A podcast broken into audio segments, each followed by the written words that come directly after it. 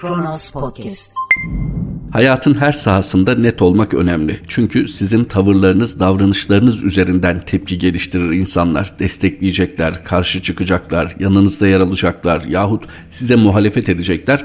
Bu sizin tutumunuzun anlaşılır olmasıyla ilgili. Hele hele bir takım soru işareti ağır olan, büyük olan konulardaysa kesinlikle çok daha açık ve net olmalısınız.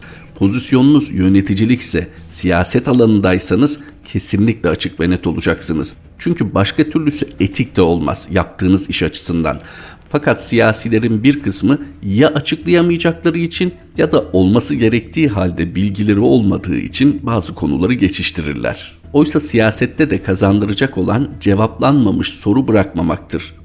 Pozisyonunuz itibarıyla kamuyu çok yakından ilgilendiren harcamalar yaparsınız. Bazen kamu için alırsınız, bazen kamu için satarsınız ama her durumda kamuya, halka, millete parasal açıdan hesap verebilir olmanız lazım. Ticari hayatta bu gereklilik taraflar arasındaki anlaşmalarla, sözleşmelerle sağlanır. Peki siyasetçi açısından nasıl sağlanmalı? Sadece seçimden seçime hesap veririm yaklaşımıyla mı yoksa her adımımızın bir açıklaması, her tasarrufumuzun bir sebebi var diyerek yapılan her işlem kamuoyuna açık ve net bir şekilde açıklanarak mı? Vicdanlar ikinci yöntemin doğru olduğunu söylüyor. İkinci yöntemi uygulayamayacak olanlarsa algıya oynuyor. Merhaba 24 Şubat 2021 Çarşamba günün tarihi ve Kronos Haber'de Kronos gündeme başlıyoruz. Kılıçdaroğlu 1 milyon doz ücretsiz aşı fatura edildi mi edilmedi mi? Cumhuriyet Halk Partisi Genel Başkanı Kemal Kılıçdaroğlu partisinin Türkiye Büyük Millet Meclisi grup toplantısında Çin'den gelen 1 milyon doz ücretsiz yeni tip koronavirüs aşısının Cayman şirketi tarafından Devlet Malzeme Ofisi'ne her bir dozu 12 dolardan fatura edilip edilmediğini sordu. Kılıçdaroğlu aşıların ücretsiz olduğuna dair bir beyanname olduğunu belirterek şunları söyledi. 9 Şubat 2021 tarihine kadar 10 milyon 162 bin 123 doz aşı getirildi. Bunlar için Devlet Malzeme Ofisi Cayman firmasına 121 milyon 945 bin 476 dolar para ödedi. Buradaki soru şu. Aralık 2020 tarihinde Esenboğa gümrüğünden geçiyor aşılar. Gümrükten geçen 1 milyon 342 bin 298 doz aşı gümrükten Cayman tarafından çekiliyor. Buradaki önemli nokta şu. Gümrükteki beyana göre 1 milyon doz aşı için ücret alınmıyor. 1 milyon doz aşı ücretsiz. Yani 12 milyon dolarlık aşı ücretsiz verilmiş. Sayın Bakan'a ve Erdoğan'a soruyorum.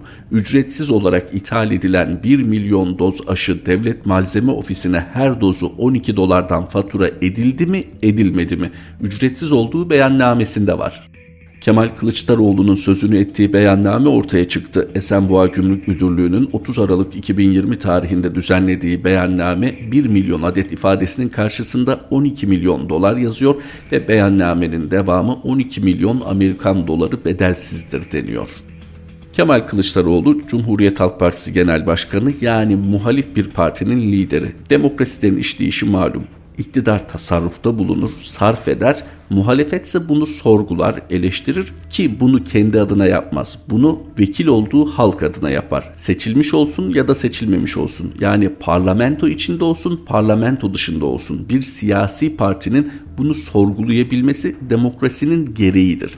Sayın Kılıçdaroğlu ise Türkiye'nin en çok oy almış muhalefet partisinin lideri olarak haklı bir soru soruyor.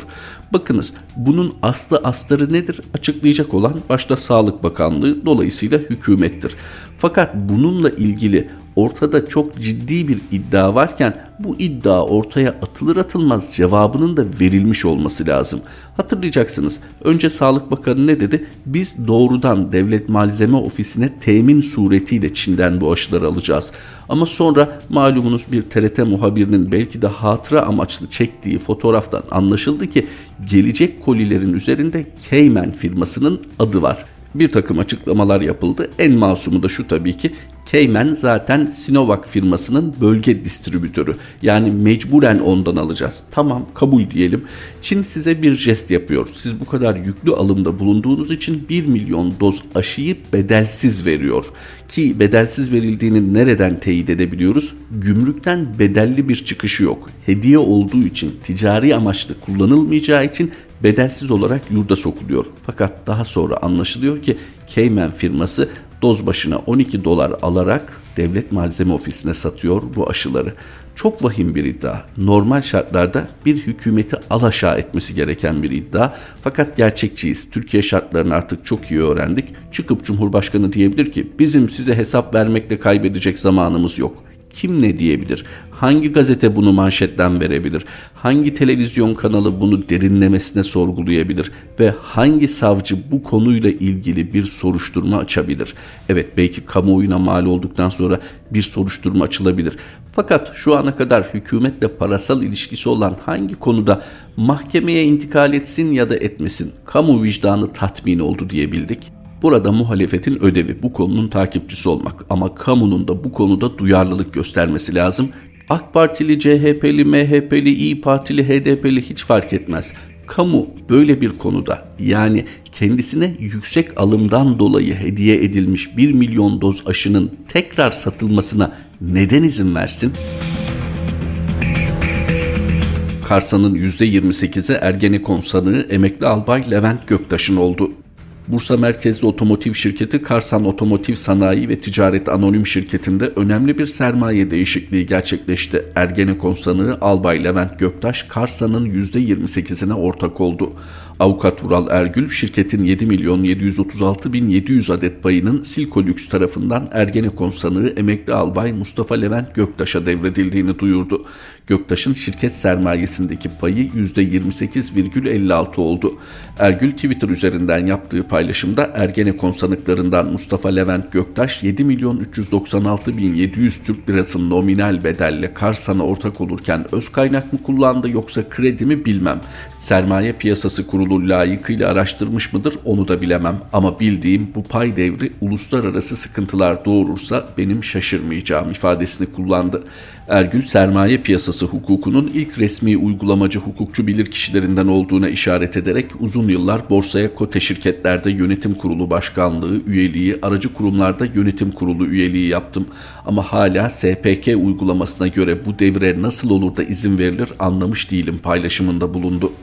Ergül Göktaş'ın 5 trilyon liralık Karsa'nın yeni hakim ortağı olduğuna işaret ederek eski Ergenekon sanığı Mustafa Levent Göktaş sanırım avukatlığı bırakır artık. Nitekim bugün avukat olduğu milyon dolarlık çok önemli bir davadan istifa etmiş ki şaşırmadım dedi. Karsan tarafından üretilen elektrikli ve sürücüsüz otobüsün ilk testi Cumhurbaşkanı Erdoğan tarafından sarayda yapılmıştı. Kronos Haber Karsan kimin ara başlığıyla firma hakkında bilgi veriyor. Karsan 1966 yılında kurulmuş 1977 yılından itibaren %100 Türk sermayesiyle hafif ve ağır ticari araç üretimi yapan otomotiv şirketi. 2004 yılında hayata geçirdiği tek tesiste çok marka yaklaşımıyla Türkiye'nin ilk fason üreticisi konumundadır. Tofaş, Ford, Renault Trucks, Türk Traktör, Uzel gibi otomotiv şirketlerine pres, kaynak, kataforez, boya ve montaj gibi hizmetler vermektedir. 2008 yılı itibarıyla İstanbul Sanayi Odası'nın yaptığı araştırmada Türkiye'nin en büyük 500 sanayi kuruluşu sıralamasında 267. sırada yer almaktadır. Türkiye'nin ilk ve tek çok markalı ticari araç üreticisi Karsan, otomotiv sektöründeki 40 yılı aşkın deneyimiyle modern ve esnek üretim tesislerinde dünyanın önde gelen markalarına hizmet veriyor. 1966 yılında kurulan Karsan 1979-98 yılları arasında Koç grubu çatısı altında faaliyet göstermiş. 1998'de İnan Kıraç'ın çoğunluk hisselerini almasıyla birlikte Kıraça Holding bünyesine dahil olmuştur. 2002 yılından itibaren otomotiv sanayiinde Türkiye'nin tek bağımsız çok markalı araç üreticisi konumunda olan Karsan, bugün Peugeot lisansıyla Peugeot Partner, Hyundai lisansıyla Hyundai HD 3575, Renault Trucks lisansıyla Renault Trucks Premium Uzun Yol, Premium Lander ve Kerax, Citroen lisansıyla Citroen Berlingo ve kendi markasıyla J10'un üretimini gerçekleştiriyor. Şirketin çoğunluk hissesini Kıraça Holding elinde bulunduruyor. Karsan Holding'in önemini böylece ortaya koymuş Kronos Haber yaptığı özetle firmaya dair. Peki bu kadar önemli bir firma ki hatırlayacaksınız yurt dışında bir takım ihalelere de hükümetin teşviki ve desteğiyle katılmıştı.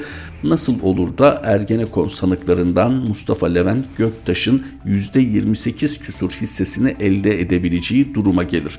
Elbette çalışan, vergisini ödeyen ve kazancının hesabını şeffaf bir şekilde verebilen herkes alabilir, satabilir. Bunda bir sıkıntı yok. Sermaye piyasası kurulu da bunu zaten düzenler. Fakat burada üzerinde durulması gereken gereken şu. Türkiye dahil hemen tüm ülkelerde görünürde siyasi olan pek çok tartışma, pek çok mücadele aslında bir sermaye hareketliliğini de beraberinde ya da arkasından getirebiliyor. Nitekim Ergenekon sanığı olmasının Mustafa Levent Göktaş'ın özellikle vurgulanmasının arkasında da bu yatıyor. 2007'de başlayan süreç 2012'de çok farklı bir yöne doğru evrildi ve daha sonra gördük ki Ergenekon ne kadar inkar edilirse edilsin bazı çevreler tarafından son derece aktif ve hali hazırda artık herkesin bildiği ama konumlandığı yere göre ya ifade edebildiği ya da edemediği bir ortaklığın içinde bu bir amaç ortaklığı mıdır, bu bir çıkar ortaklığı mıdır, her iki tarafında mutlu olduğu bir ortaklık mıdır bilmiyoruz. Ama şu an AK Parti diye bir parti kalmamışsa, tamamen Recep Tayyip Erdoğan'ın şahsında toplanmışsa AK Parti'nin temsil gücü ve tasarruf yetkisi doğal olarak bu sonucun ortaya çıkmasında Ergenekon'un payı büyük. Bunun siyasi sonuçlarından biri pek çok analistin de ifade ettiği gibi Erdoğan'ın yalnızlaştırılması dolayısıyla günü geldiğinde kolayca devreden çıkarılması olabilir. Bu durumun ortaya çıkarılmasının gerekçelerinden biri de ancak ve ancak muhafazakar bir lider, otoriter bir lider, siyaseten kitleleri sürükleyebilen bir lider eliyle yapılabilecek bir takım siyasi toplumsal mühendislikler olabilir.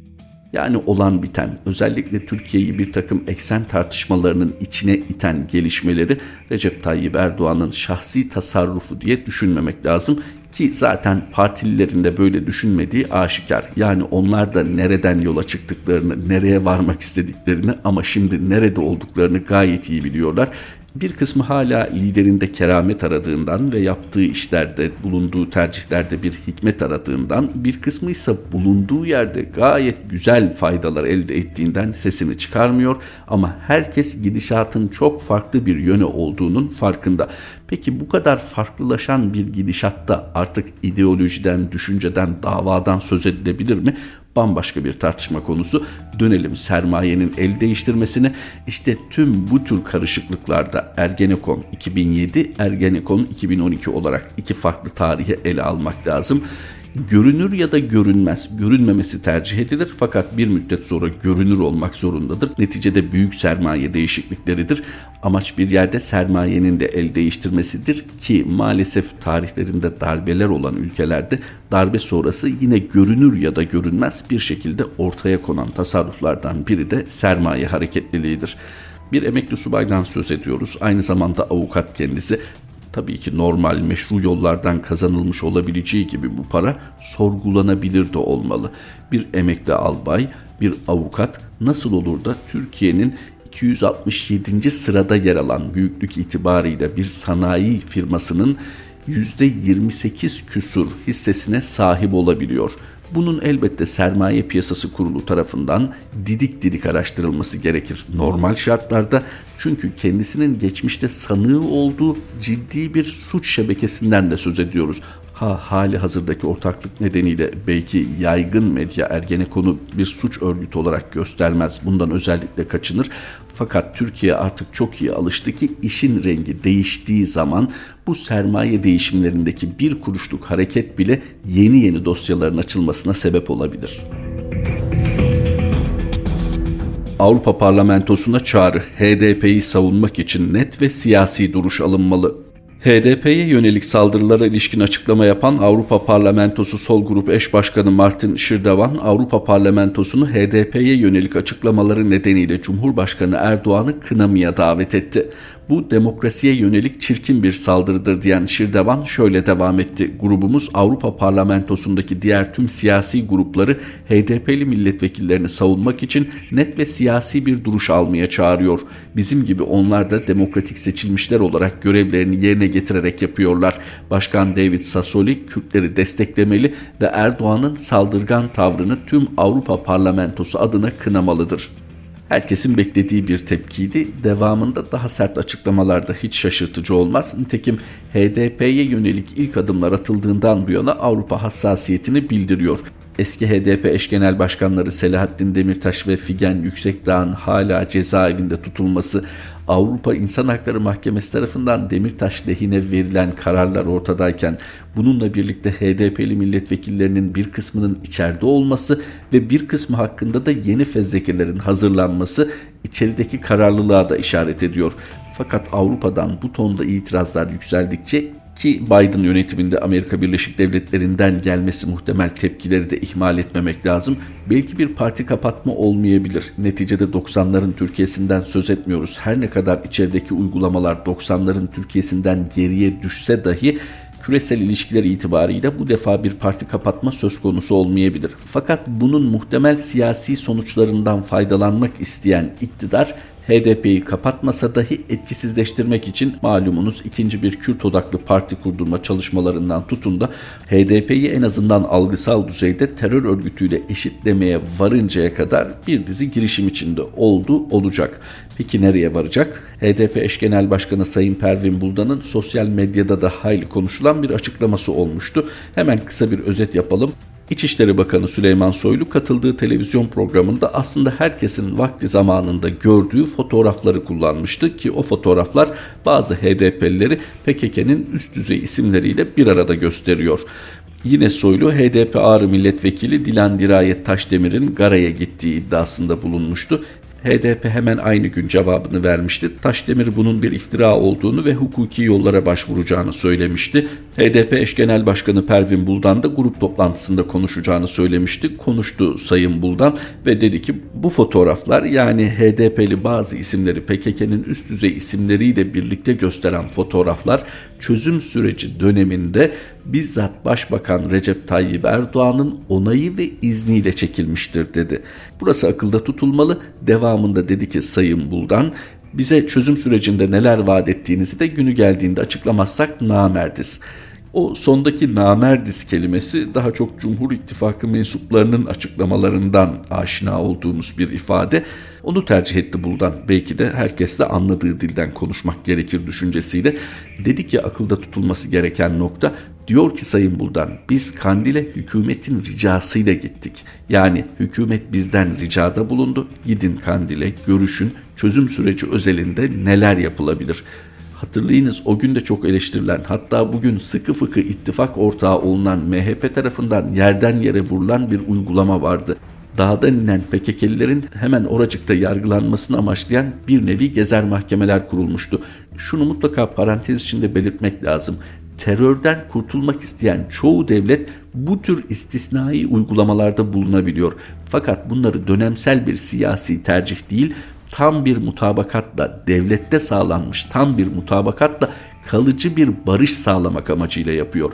Önce çözüm sürecini ortaya atıp oradan Kürt oylarını almaya kalkmak olmadığı düşünülen ya da kurulan yeni ittifakla olmaması gerektiği düşünülen bir evreye geçilince de tamamen farklı bir politika izlemek değil çözüm süreci. Bu konuda değil elini gövdesini taşın altına koyacağını söyleyenler bir anda söylem değiştirdiler. İşte Sayın Buldan'ın işaret ettiği de o dönemde kendilerine verilen sözler. Fakat Sayın Buldan'ın da alacağı olsun demokrasi adına, şeffaf siyaset adına günü geldiğinde söylemek. Niçin Gelecek Partisi Genel Başkanı Sayın Davutoğlu sık sık eleştiriliyor? Ben bir konuşursam politikasından dolayı. Fakat Sayın Buldan da aynı yöntemi izlemiş görünüyor. Bu bir tehdit mi? Bu bir pazarlık daveti mi? Burada ne amaçlanıyor? Yani o gün size vaat edilip de bugün söyleyemeyeceğiniz neler olabilir? Ve bunu bugün söylememenizdeki maksat ne olabilir? Partiye yakın çevrelerden de şu eleştiri geldi. Hala mı denge politikası yahut hala mı AK Parti iktidarından hem de MHP ile ittifak yaptığı bir dönemde yeni bir çözüm süreci beklentisi? Bilemeyiz. HDP yönetiminin şu anki tutumu bu. Fakat başladığımız yeri hatırlatalım. Avrupa'dan HDP'ye yönelik adımlara ciddi bir tepki var. Devamı da gelecektir. Bu muhtemelen parti kapatmaya çok hevesli olanların konuyu iki kere düşünmesine sebep olacaktır. Pentagon, Türkiye'yi S-400 sistemini elinde tutmamaya çağırıyoruz. Amerika Birleşik Devletleri Savunma Bakanlığı Sözcüsü John Kirby, Türkiye'ye S-400 savunma sistemini elinde tutmama çağrısını tekrarladı. Kirby, Türkiye'nin son 10 yılda ABD'den Patriot savunma sistemi satın almak için çok sayıda fırsatı vardı ama bunun yerine Rusya'ya gelir, erişim ve nüfus sağlayan S-400'ü seçtiler dedi. Böylece Kronos gündemi Avrupa'dan ve Amerika Birleşik Devletleri'nden gelen iki farklı konudaki uyarı haberiyle noktalamış oluyoruz. Kronos Haber'de tekrar buluşmak üzere. Hoşçakalın.